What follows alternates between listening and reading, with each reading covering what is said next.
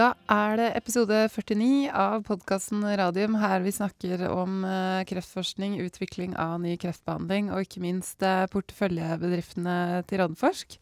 Eh, velkommen tilbake fra USA, Jonas Einarsson. Takk skal du ha, Elisabeth. Ja, du, eh, du har vært i feil by. Det kan vi komme tilbake til. Vi kan komme tilbake til det. Det var for så vidt en veldig hyggelig by, men eh, den Ja. mest, det mest spennende foregikk i en annen by. Sånn, sånn er det noen ganger. Og så er vi så heldige at vi har med oss gjester i studio. Vi har med oss Øystein Saug, og vi har med oss Erik Rigman Wiklund fra Targovax. Velkommen. Hei, takk. Takk. Det er uh, nøyaktig 13 dager siden dere var her sist. vi skal ikke spekulere, spekulere noe mer i det tallet. Jeg tror vi aldri har hatt gjester fra det samme selskapet to ganger på rad. Nei. Nei, Så det er uh, hyggelig. Hyggelig å ha dere tilbake. Dere har vært i USA, og dere har vært i riktig by. Nettopp. Ja, Chicago. Det var der det skjedde. Det var der det skjedde. Eh, og, men vi kan kanskje komme tilbake til Skal vi begynne med um, Nordic Nanovektor? Det kan vi gjøre. Ja.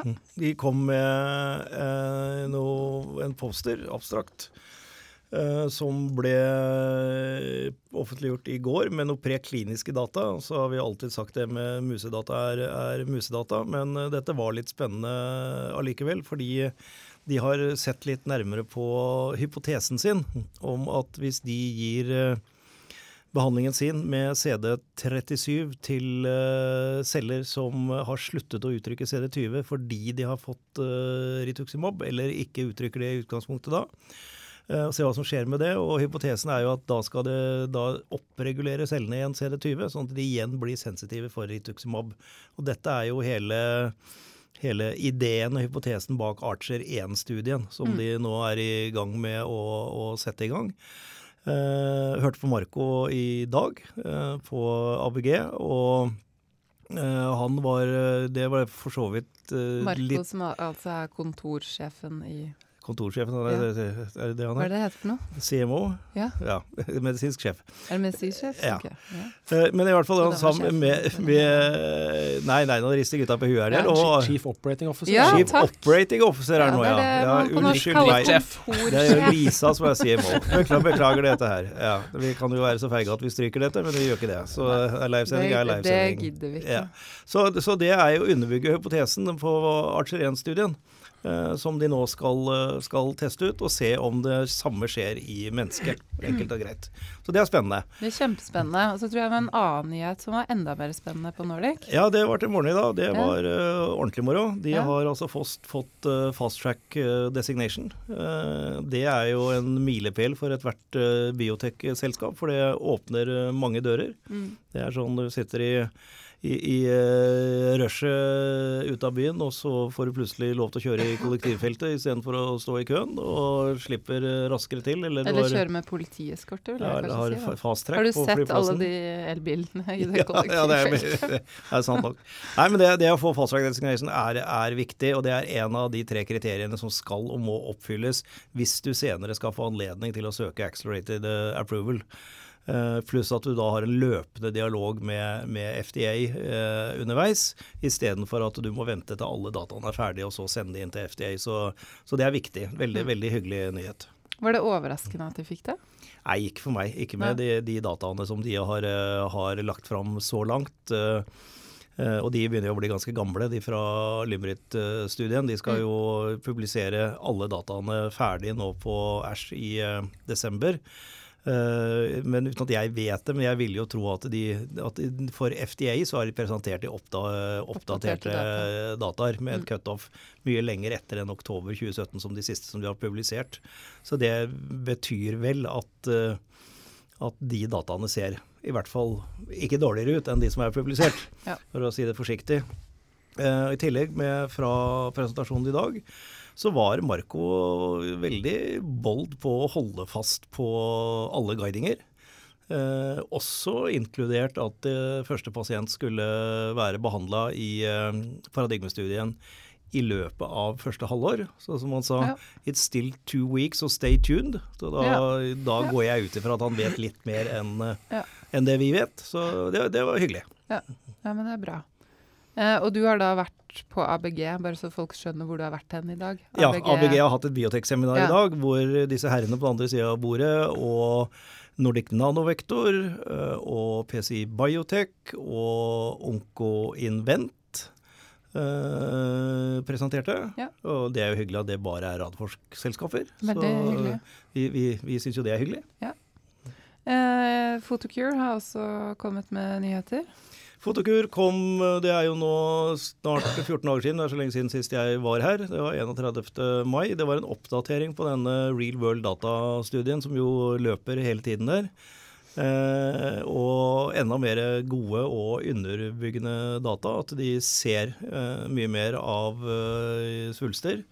Spesielt de overflatesvulstene, de flate svulstene, med blålys enn de gjør med hvitlys. Og for meg så var det viktigste jeg trakk ut av den, var at det var eh, 14% av pasientene som ble restaget. Altså de med gult lys, så ville de bare fått oppfølging.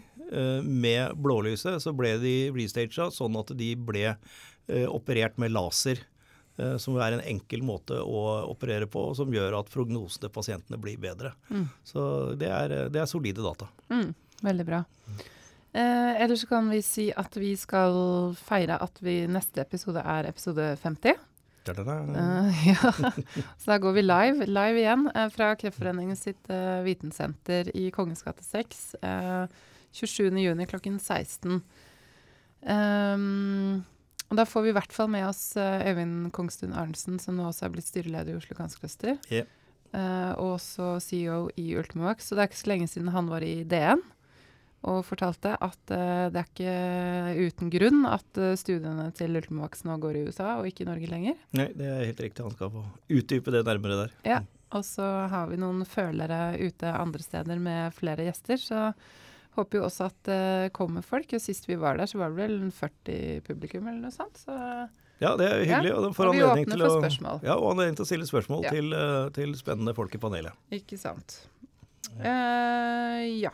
Skal vi da ta det om at du har vært i feil by? Da får vi ta det der var i feil Ja. by. Nei da, det var ikke feil by, men jeg var på BIO, Ja. eh, som er den største medtech-konferansen og biotech-konferansen i, eh, i verden i året. Eh, men det er ikke der nyhetene eh, fra forskningen kommer. Så det var i jeg- Chicago. Det var i Chicago. Så jeg møtte investorer, og jeg møtte andre mulige partnere til selskapene. Men jeg er jo litt mer enn middels interessert i den forskningen som foregår. Så det viktigste for meg der var at vi hadde en veldig spennende eh, dag som het Post Asko. Mhm. eh, oppsummeringen på bio, hvor, eh, hvor jeg bl.a. var Loria Clincher fra, er sjef for Dana Farber. Mm. der hvor veldig mye av immunterapien har kommet fra. Eh, og Thomas Lynch, som er CSO, vice president i BMS. De oppsummerte den, og det var, det var veldig spennende. Spesielt for det vi jobber mye med, nemlig som vi har gjentar til det kjedelige med denne immunsyklusen, og hvor, hvor disse bremsefjernerne, som checkpoint-inhibitorene, jo eh, har hatt det store fokuset. Eh, Men de etterlyste og mente at hvis immunonkologifeltet virkelig skulle flytte seg fremover, så måtte de få mer verktøy som ga gass. Og det kan jo disse herrene her fortelle mer om, fordi de driver stort sett bare å, å gi gass. Uh, og, men, men det er første gang liksom de sa at det er onkolytisk virus og cancervaksiner som vi nå må få Satse gode på. data på å utvikle og kjøre i kombinasjonsbehandlinger. Så det var spennende. Men uh, Erik, du har også vært på, på Asko. Ja, det var Ja. jeg. Eh, Øystein var der, men du var litt satt ut av spill. Jeg var i lite riktig by, men uh, jeg kom ikke helt inn. Litt sykdom uh, inn i bildet der. Ja. Men uh, hva, hva, hva tok du med deg derfra? Ja, jeg var jo der først og fremst for å ha forretningsmøter med både møte investorer som, som er der, og mulige partnere. Og vi hadde flere fra vårt kliniske team som var der og møtte leger og investigators fra studiene vi kjører. Så, så vi er jo, det er mye for å ha møter, og så forsøker man å få med seg alt det spennende som skjer innimellom. Mm. Og det er klart at det er, dette her er jo den overlegen største kliniske kreftkongressen i verden. Mm. Det er der nyhetene kommer. De store selskapene de sparer gjerne nyhetene sine for å kunne presentere det på ASKO. Mm. Så dette er, jo, dette er jo virkelig den store happeningen i året i, i vår bransje. Så det er jo et utrolig spennende sted bare å være og ta temperaturen. Jeg tror Mm. det er noe sånn som 40 000 mennesker. Ja. Som er der. Ja, det er helt vilt. Fra hele Og verden. åt- åtte parallelle foredragstracks. Du skal, plan, du skal planlegge dagen din ja, godt der, altså. Hvis altså. du er analytiker, så har du nok, nok å gjøre for å følge med på, på alt der. Vi prioriterer jo selvfølgelig å gå på det som er relevant for oss. Mhm. Så jeg var vel naturligvis mest opptatt av nyheter i de kreftformene som vi eh, jobber i. Mm. Da primært mesoteliom og, og bukspyttkjertelkreft, eller pankras. Så det, det sørget jeg for å, å få med meg.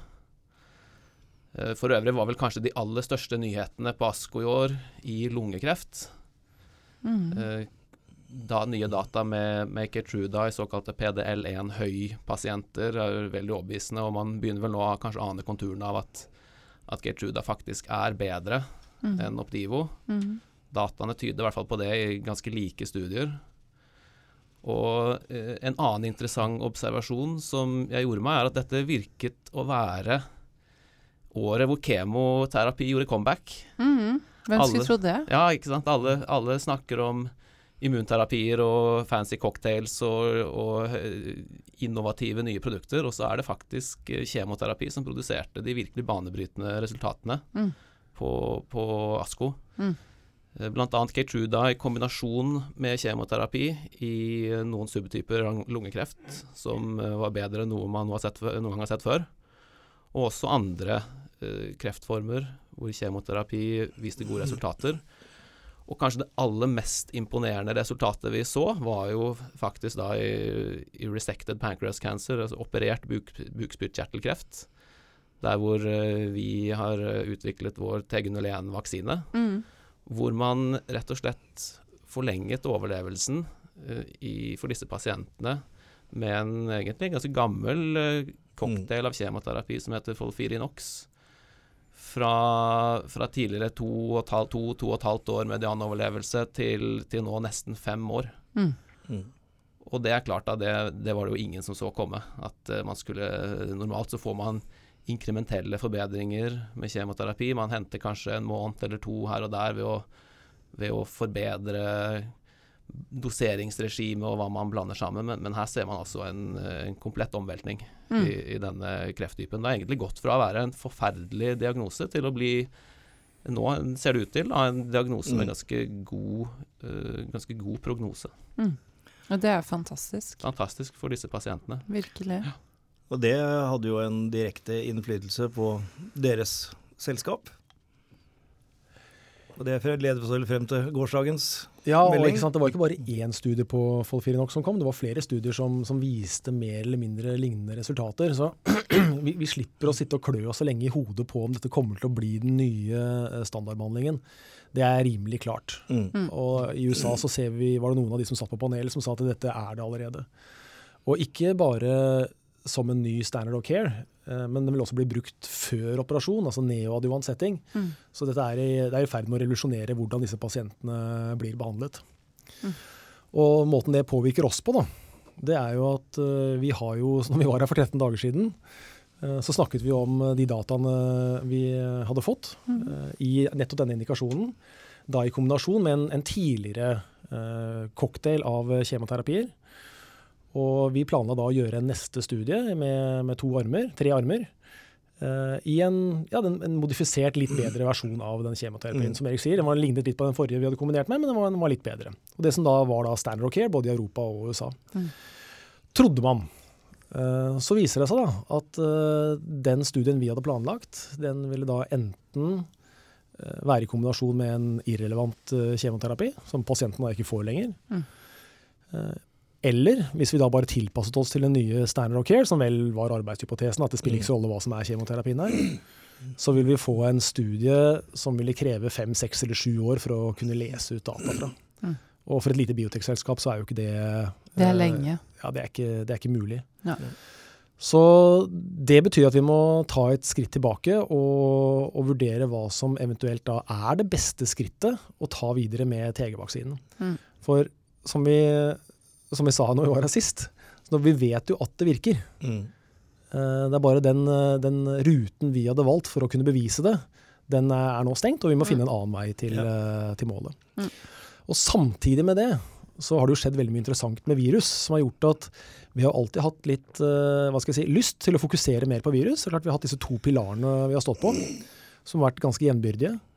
Men i det siste året så har det kommet veldig mye interessant data fra våre peers, da, kan jeg kalle det. Mm. Selskaper som også har uh, lignende viruser som vi har, som har kombinert uh, med checkpoint-inhibitere og produsert veldig gode data.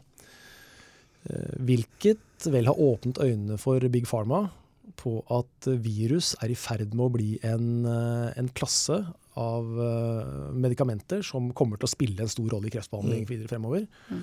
Og Det igjen da har ført til at det har vært de siste seks månedene en del, en del uh, deals, både oppkjøp og, og, og lisensavtaler. Ja. Mm. Så når vi er ute og snakker med uh, investorer nå, så er det veldig mye fokus på, på virus. Det er det mm. folk vil snakke om. Og, så det har nok vært en, en litt, litt, fristende i utgangspunktet å, å reallokere noen ressurser over til, uh, til viruset fra vaksinen. Mm. Og nå med disse Folfirinox-dataene, så, så, ble jo det plutselig en veldig lett avgjørelse. Ja. Så vi fortsetter å tro på kreftvaksinen.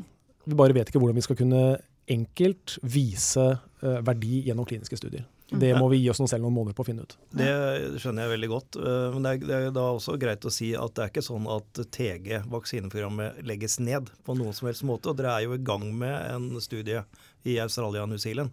Ja, det er bare en, en ikke-startet studie som vi ikke starter. Vente litt ja. med å starte og se hva som skjer med? Ja, eller må vurdere hva, hva, ja. hva vi gjør med, med vaksinen. Sagt, som, mm. som, du sier, Vi har jo da en annen studie i uh, kolorektalkreft, som er da i kombinasjon med en checkpoint inhibitor.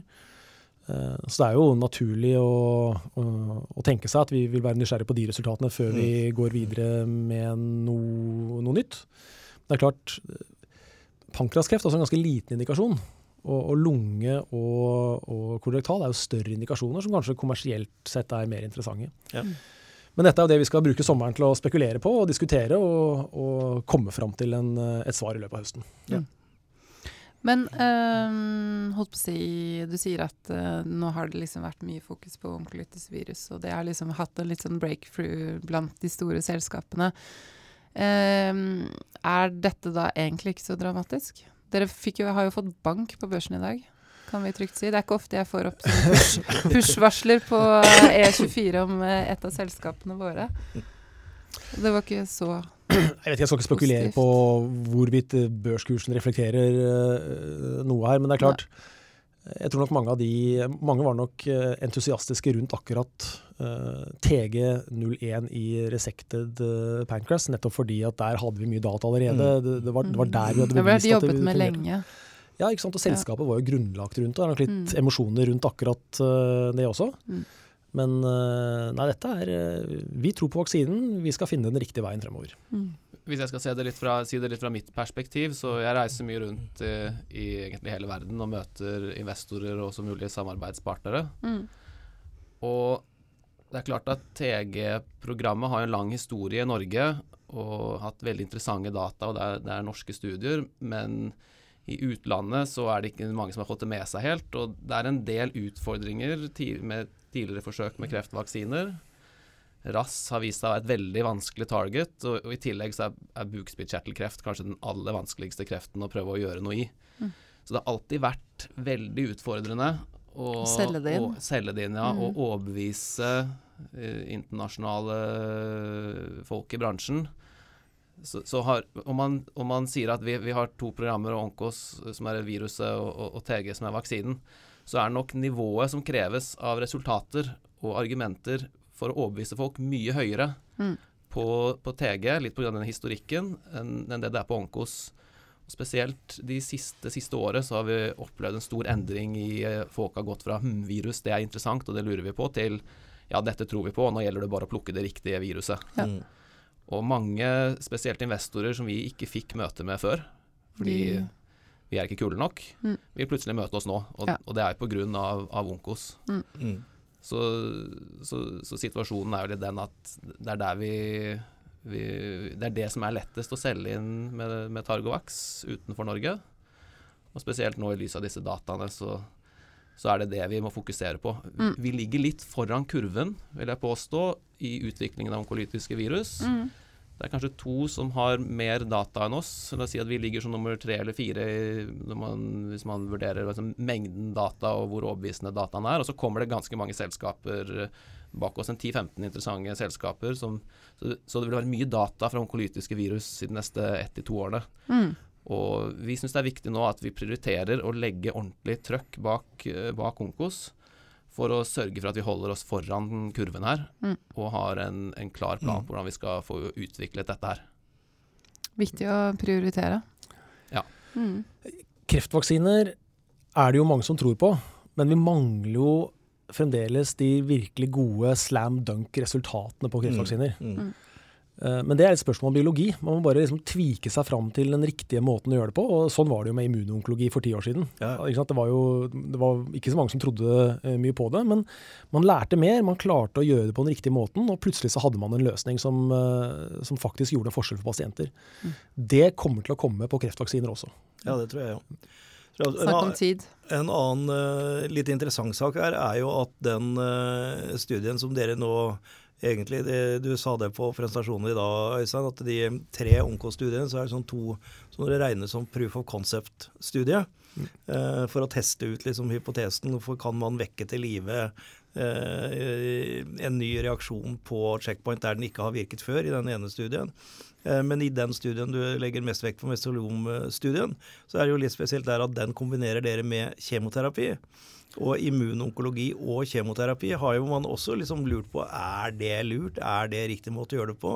Og så kom jo det som Erik forteller om de resultatene nettopp med immunonkologi og kjemo i lunge, som sier at kanskje, ja, kanskje det er veldig smart. Dataene på ASKO understøtter jo veldig den, eh, den retningen vi tar der, og legge, legge immunterapi på toppen av kjemoterapi. Mange snakker jo nå om at den faktiske effekten av kjemoterapi er en immunonkologisk effekt. Mm. Fordi kjemoterapien dreper cellene så de sprekker opp, og egentlig trigger en immunrespons. Mm. Så hvis du følger den, eller kjøper den logikken, så er det faktisk ikke så veldig usannsynlig at en immunaktivator, som vi utvikler, f.eks. Mm. av et onkolytisk virus, også vil eh, sterke, styrke effekten av, av kjemo. Mm. Den andre fordelen med det er at kjemo er jo standardbehandling i de aller fleste kreftformene Aha, i dag. I mesoteliom så er det Pemetrexed pluss cisplatin som er eh, standardbehandlingen i, som, som førstelinje, altså den, den første type behandlingen man tester ut i pasienter. Vi har nå vist at det er trygt å kombinere med det. Mm. Vi begynner å se konturene av at det virker. Så nå har vi da faktisk muligheten av å egentlig kunne bli eh, førstelinjebehandling i den, den type kreft, gjennom å bruke denne, denne måten her å utvikle det på. Ja, altså det er, når, når man ser det, så kan man litt sånn i ettertid si at ja, selvfølgelig. Sånn, sånn er det jo det egentlig virker. Men man har liksom ikke klart å se det på forhånd. Eh, og det, det vi jobber med både med onkolytisk virus og vaksiner, er jo nettopp å produsere disse cellene, disse T-cellene, CD4 og CD8. Antagelig begge, må du ha begge to til stede. Eh, hvilket vi ikke trodde for noen år siden. Da trodde vi liksom at det var CD8. Det, det holdt i massevis. Men hvis ikke du har CD4 med deg, ser det ut som nå, så er det ikke noen generaler der som kan styre disse soldatene som er CD8. Men for at disse soldatene skal komme til, så må noen på en måte, litt sånn enkelt sagt, åpne tumoren på en eller annen måte å bryte ned litt alle forsvarsverkene. Du må liksom Heller grus i maskineriet. ja, du må, liksom, du må bruke artilleriild først for å få brutt ned noen forsvarsverker, og så kommer du med soldatene. Åpne døra. Åpne døra, åpne døra. Og det er det ser det ut som kjemoterapi gjør mye mer enn det vi trodde. Mm. Så det er, det er spennende. Men uh, jeg stilte spørsmålet før vi gikk i studio i, i stad, Erik. Altså, hva er grunnen til at denne nye kjemoterapien virker så godt på en så vanskelig kreftform? I uh, resected pancreas tenker du på? Mm. Ja, så Det man har testet, det er en cocktail av kjemoterapi som heter Folfirinox. Hovedbestand der er Det er tre kjemoterapier, og så er det et fjerde stoff som egentlig er der for å hindre bivirkninger, kan man si. Mm. Så det er en trippel kjemococktail. Hovedkomponenten er noe som heter 5FU. 5-fluorouracil. Det blir inkorporert i DNA istedenfor uh, vanlige DNA-baser. Konsekvensen av det er at uh, hver celle som deler seg, dør. Det er, det er en av de eldste, mest klassiske og egentlig verste slagsens uh, kjemoterapi. Mm. Så dette her er jo ingen sofistikert medisin. Det er å samle sammen det man har av artilleri, og bare å fyre løs. Hestekur. Ja. Ja. Kan du si. det, dette ble først godkjent ved lik kolorektalkreft, og så brukes det allerede som førstelinjebehandling i metastatisk pankreaskreft. Mm. Men, men grunnen til at ikke det har vært testet før i operert bukspyttkjertelkreft, det, det er jo nok ikke jeg rett mann til å svare på, men hvis jeg skal spekulere, så tror jeg at logikken var nok at de pasientene som blir operert, er litt friskere. Målet er ikke å, å redusere en tumor, det er heller å, å eliminere de siste kreftcellene og forhindre tilbakefall. Så man har nok vurdert at her trengs det ikke så hard skyts. Mm. Så man har gått med litt snillere kjemoterapier. I tillegg så testet man faktisk Vi sammenligner mot SPAC4 i Mm. våre data. SPAC4 er den siste studien fra European Society of Pancreatic Cancer, hvor man sammenlignet gemcitabin med gemcitabin pluss kappesitabin, som da ble den nye standarden. I den studien som heter SBAC2, tror jeg, så testet man faktisk 5FU alene, som da er hovedkomponenten i, i Folfirinox. Og det virket ikke bra i det hele tatt. Det var dårligere enn gemcitabin. Mm. Men nå da, når man kjører Folifirinox-cocktailen, så viser det seg altså at eh, den totale cocktailen der, den, den virker Mm. veldig, veldig godt. Mm. Og det er, er jo ingen som hadde forventet seg. Våre, de, de som kjører studiene for oss legene, var jo like sjokkert eh, som oss. Ja. At, Men da kan, eh, kan ikke du bare utdype det, fordi vi har fått noen spørsmål. Jeg griper litt inn, Elisabeth, men uh, vi har fått noen spørsmål blar om opp. Det er Her kommer kommer du fra sidelinja. Du vet åssen jeg er. Om uh, hvorfor i all verden kom dette så overraskende? Hvorfor visste vi ikke dette?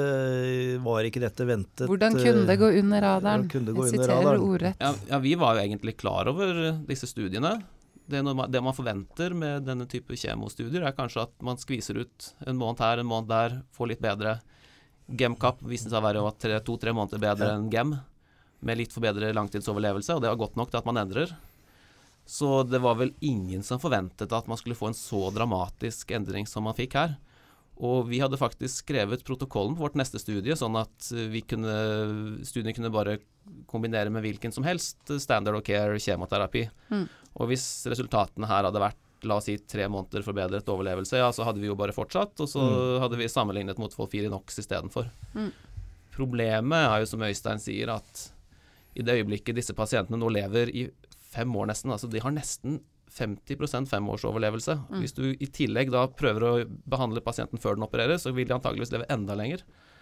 Så, så er det bare rett og slett sånn at studiet blir ikke praktisk gjennomførbart uh, for oss. Men en annen grunn til at, man, at det gikk litt under radaren, var at denne studien skulle jo egentlig fortsette å løpe lenger. Mm. Men den ble jo avsluttet tidlig pga. de gode resultatene. Så de hadde en sånn en uavhengig kommisjon som så på dataen og sa at det her er så bra, så det må dere bare komme ut med med en gang, slik at uh, vi kan Man kan endre ta det i standard of bruk. care. Ja. Ja. Mm. Og, og, det, og det er jo faktisk veldig heldig for oss. Mm. Konsekvensen er at disse dataene blir publisert nå, før vi har startet studiet, før vi egentlig har kommittert noen midler til dette, som gjør at vi kan stoppe planene, endre planene, før vi var i gang med en studie. Hadde Mm. dette kommet på ASKO 2019, så hadde vi vært i full gang vi med dette studiet her, og det hadde vært en mye vanskeligere situasjon, det vet jeg.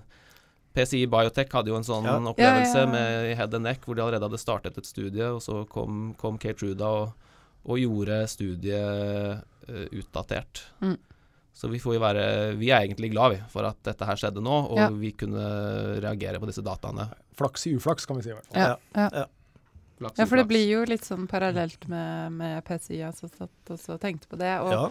Og de er jo nå godt i gang med gallegangskreft. Ja Og da, vi de sitter jo bare og venter på pivotalstudien De skal starte pivotalstudiet nå, og, og Mm. seg jo å være en veldig, så langt i hvert fall, ser ut som var en veldig korrekt beslutning å gjøre. Mm. Og de tok også den avgjørelsen eh, veldig kjapt, når de, når de så at de kom ikke til å få pasienter i studiene videre fremover. Fordi Enda så gode eh, resultater de hadde. Ja, det var fantastiske resultater. Det er virkelig gode resultater, men de ville ikke få pasienter inn. Et annet eksempel på hvor kjapt ting skjer i denne bransjen her, var jo når vi i uh, Ultimovax startet opp eh, vår del av IPI4-studien. Det var jo Jervøy når den kom. Mm. Så for de som husker det, så var det jo Jonas Gahr Støre som klarte å kjøre gjennom at man skulle starte en, eh, en studie som var, ble sponset av eh, de norske helsemyndighetene, fase 4-studiet. Mm. Eh, fordi de har så stort politisk press på det, egentlig. Uh, og da uh, søkte vi om, gjennom Ultimovox om å få lov til å være en del av den studien, og fikk lov til det, og skulle ha 16 pasienter inn som fikk de akkurat de samme pasientene som var en del av IP4-studien, men 16 av de skulle få vår vaksine. Og når vi hadde fått inn 12 pasienter, så forsvant IPI, for da kom Ketruda. Så vi var heldige da som klarte å få inn de tolv pasientene og får data fra, fra, det nå. Men da var plutselig det en studie som var i gang, som bare stoppet brått opp, for her kom det et nytt preparat. Så det er eh, en omskiftelig verden vi lever i. Mm. Og godt er det. Det viser jo at uh, ting skjer og ting går framover. Pasientene får det ja, ja, bedre. For all del. Så må man jo snu seg rundt og tenke business også. Ja, det er viktig å påpeke at det er ikke noe galt med vaksinen. Nei. Vi må bare finne en, en annen og bedre måte å, å, å bevise mm. at det fungerer. Mm. Ja. Som PCI ser ut som de har klart å få til nå. Mm. Mm. Vi sitter jo bare og venter der på at det skal komme, komme, nyheter. Men jeg husker jo at det var noen ordentlig slukøra aksjonærer i gangene da. Når vi stoppa Head Next Year? Ja da, ja, det var, det var, eh, det var, det var aldri, mye, aldri, så lite skrell på børsen. Aldri så lite skrell på børsen da òg. Jo, men jeg husker det var mye, mye, følelser. Det var mange som på en måte følte at de liksom hadde vært med fra starten av ikke sant, i firmaet. Ja. De trodde på dette her, og de hadde jo hørt om resultatene, og så var det sånn jøss. Hva skjer her nå? Men igjen, det betydde ikke at teknologien ikke fungerte. Nei, ikke sant? Det, det, er liksom samme historien. Det er bare Veldig Du må finne en annen rute for å bevise at det fungerer. Mm. Og vi er jo heldige sånn sett. Vi har to programmer og seks mm -hmm. studier. Seks skudd på mål, som Øystein liker å si. Så når noe sånt som dette her skjer, så har vi I disse VM-tider syns jeg det hørtes altfor lite ut. Men når noe sånt som dette skjer, så har vi jo noe å falle tilbake på. Ja, absolutt. Ja. absolutt. Det er viktig å ha en plan B, er ikke det man sier? Ja. Men uh, vi kan ta noen flere spørsmål fra, fra lytterne.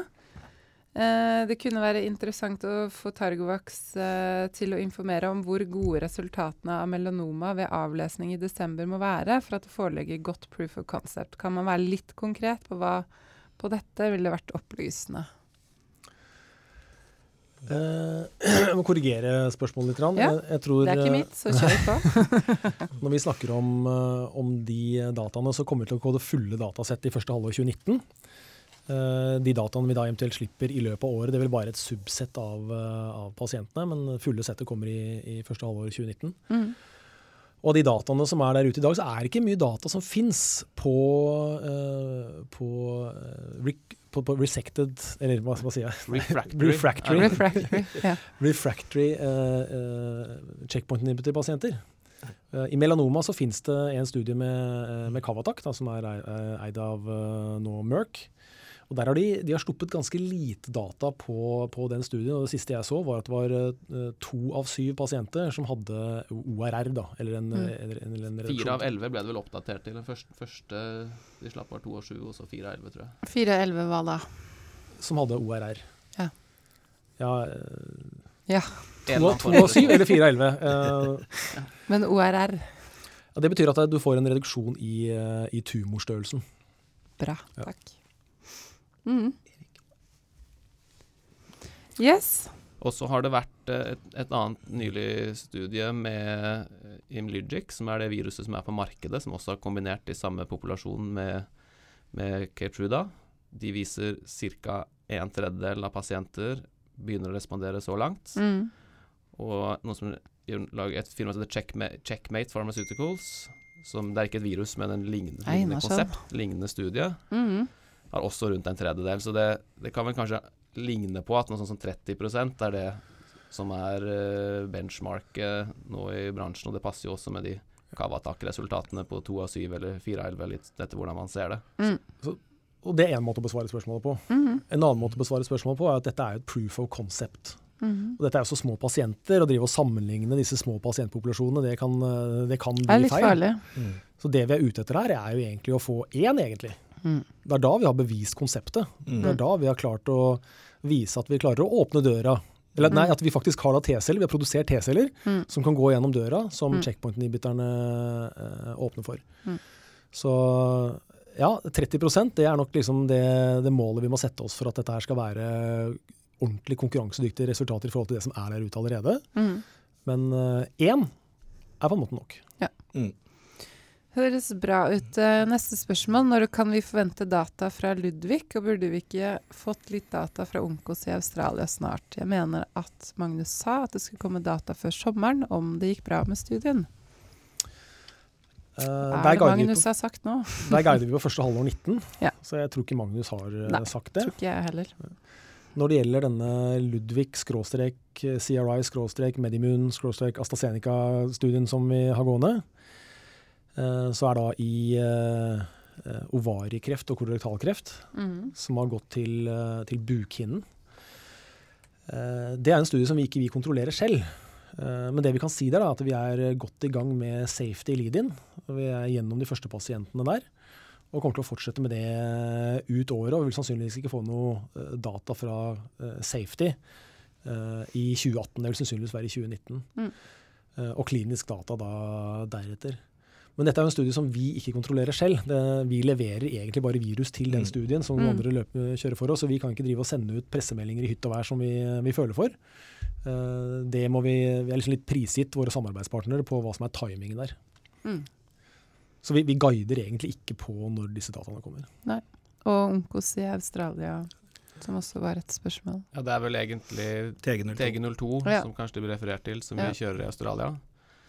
Der er vi ferdig med safety-delen. Vi rapporterte immunaktiveringsdata fra det. så Det er da de pasientene som har fått monoterapi TG02. Vi var nødt til å starte med det, fordi det er først etter en first in man med TG02. Og nå er vi i gang med å gå over i den delen av studien hvor vi skal kombinere med Kertruda. Så det blir første gangen vi kjører kombinasjon. Mm. Så dette er jo da et fase 1-studie, og det kommer vi til å slippe data fra om et års tid, som Øystein sa. Upresise spørsmål fra lytterne her. Eh, ja. Men da, da var det egentlig ikke noen flere spørsmål fra lytterne. Har du noen spørsmål? Altså nå, du er liksom ute av targovaks nå, og så skjer all denne dramatikken. Hvordan er det, Einarsson, å sitte på utsida? Nei, i dag så hadde vi altså en aldri så liten skrell på Targovaks, mens eh, Nordic Nanovektor eh, Ja. gikk den eh, andre veien, og det er livet i biotek. Det, ting It forandrer seg. out. Ja, ting forandrer seg underveis, og, og for oss som investorer i, i Targovaks, så må jeg si at jeg syns det var særdeles heldig at disse dataene kom nå og ikke til neste år, for det sparte vi mange av våre penger som vi har investert i, i selskapet på, uten at, uten at selskapet kunne vite at dette kom, men de agerer når det kommer. Og som Erik sier, de, jeg vil ikke akkurat si at du har noe å falle tilbake på, det har masse å kjøre videre med. Eh, og den eh, den nye, eller veldig økende interessen for onkologisk virus eh, er veldig gledelig. eh, Og ser fram til data derfra. Og som alle vet, så har jo jeg klokketro på at eh, kancervaksinene skal få sin plass, og får sin plass i immunologi. Så det er litt sånn shit happens. Mm. Men, eh, men sånn er det. Da må man bare agere, og så går vi videre. Høres lurt ut. Um, du, du har fått litt uh, spørsmål om hvorfor du har solgt deg ut av PCI. Ja, jeg har altså verken dumpet aksjer eller aksjer, eller solgt meg ut, eller eh, Radforsk ut av PCI. Jo da. Vi har gjort et lite, lite nedsalg. Eh, Vi har en stor post der. Det er en veldig likvid aksje. Siste investeringen vi gjorde der var på 7 kroner, og nå ligger den opp under eh, 50. Eh, Så da er passer det oss veldig godt å, å realisere litt der, og det har vi gjort i alle år og kommer til å fortsette med. Eh, aksjer som eh, er stabile og omsettelige, kan vi selge oss litt ned i. Og det betyr egentlig et signal om at vi er i ferd med å gjøre nye investeringer, forberede oss for nye emisjoner eller starte nye selskaper, hvilket vi faktisk akkurat har gjort. Det kan vi komme tilbake til senere, men jeg har vært med å starte et helt nytt selskap nå for veldig kort tid siden, som vi må legge noen eh, penger inn i. Så når vi reallokerer, for det er det vi gjør, Mm. selger oss ned i et selskap som er eh, god likviditet og god utvikling, for å investere i nye selskaper. Eh, så, så alle konspirasjonsteorier om at Radforsk har mistet troen på et selskap som vi selger oss litt ned i, det er feil. Feil. Snarere tvert imot. Det går så bra med det selskapet at dere kan selge dere Ja. litt ned. Det er helt riktig. Ja. Um, har du noe hjertesukk på tampen? Neste år at du skal være i riktig by, eller? Ja, jeg får det var sånn note to myself, dra på riktig konferanse til neste år. Jeg tror jeg får være dagens hjertesukk. Det har vært noen år på Bayo nå, har det ikke det? Jo. Ja. Greit å dra til, eh, dra til Asko. Men eh, takk for at dere kom, eh, og lykke til eh, videre. God sommerferie, tror jeg vi kan si, for nå skal vi bare ha den livesendinga av episode 50. Ja da, så får Ja. vi, så vi ha en lang og god sommerferie, og det kommer sikkert ikke til å skje noe innen sektoren gjennom hele sommeren, så det blir sikkert en svært rolig sommerferie, ser vi fram til. Det er sånn alle utlendinger bare sånn Hallo, Norge, hvor er dere? Vi er på sommerferie. Vi ses i august. Men først 27. juni, da. Takk for i dag.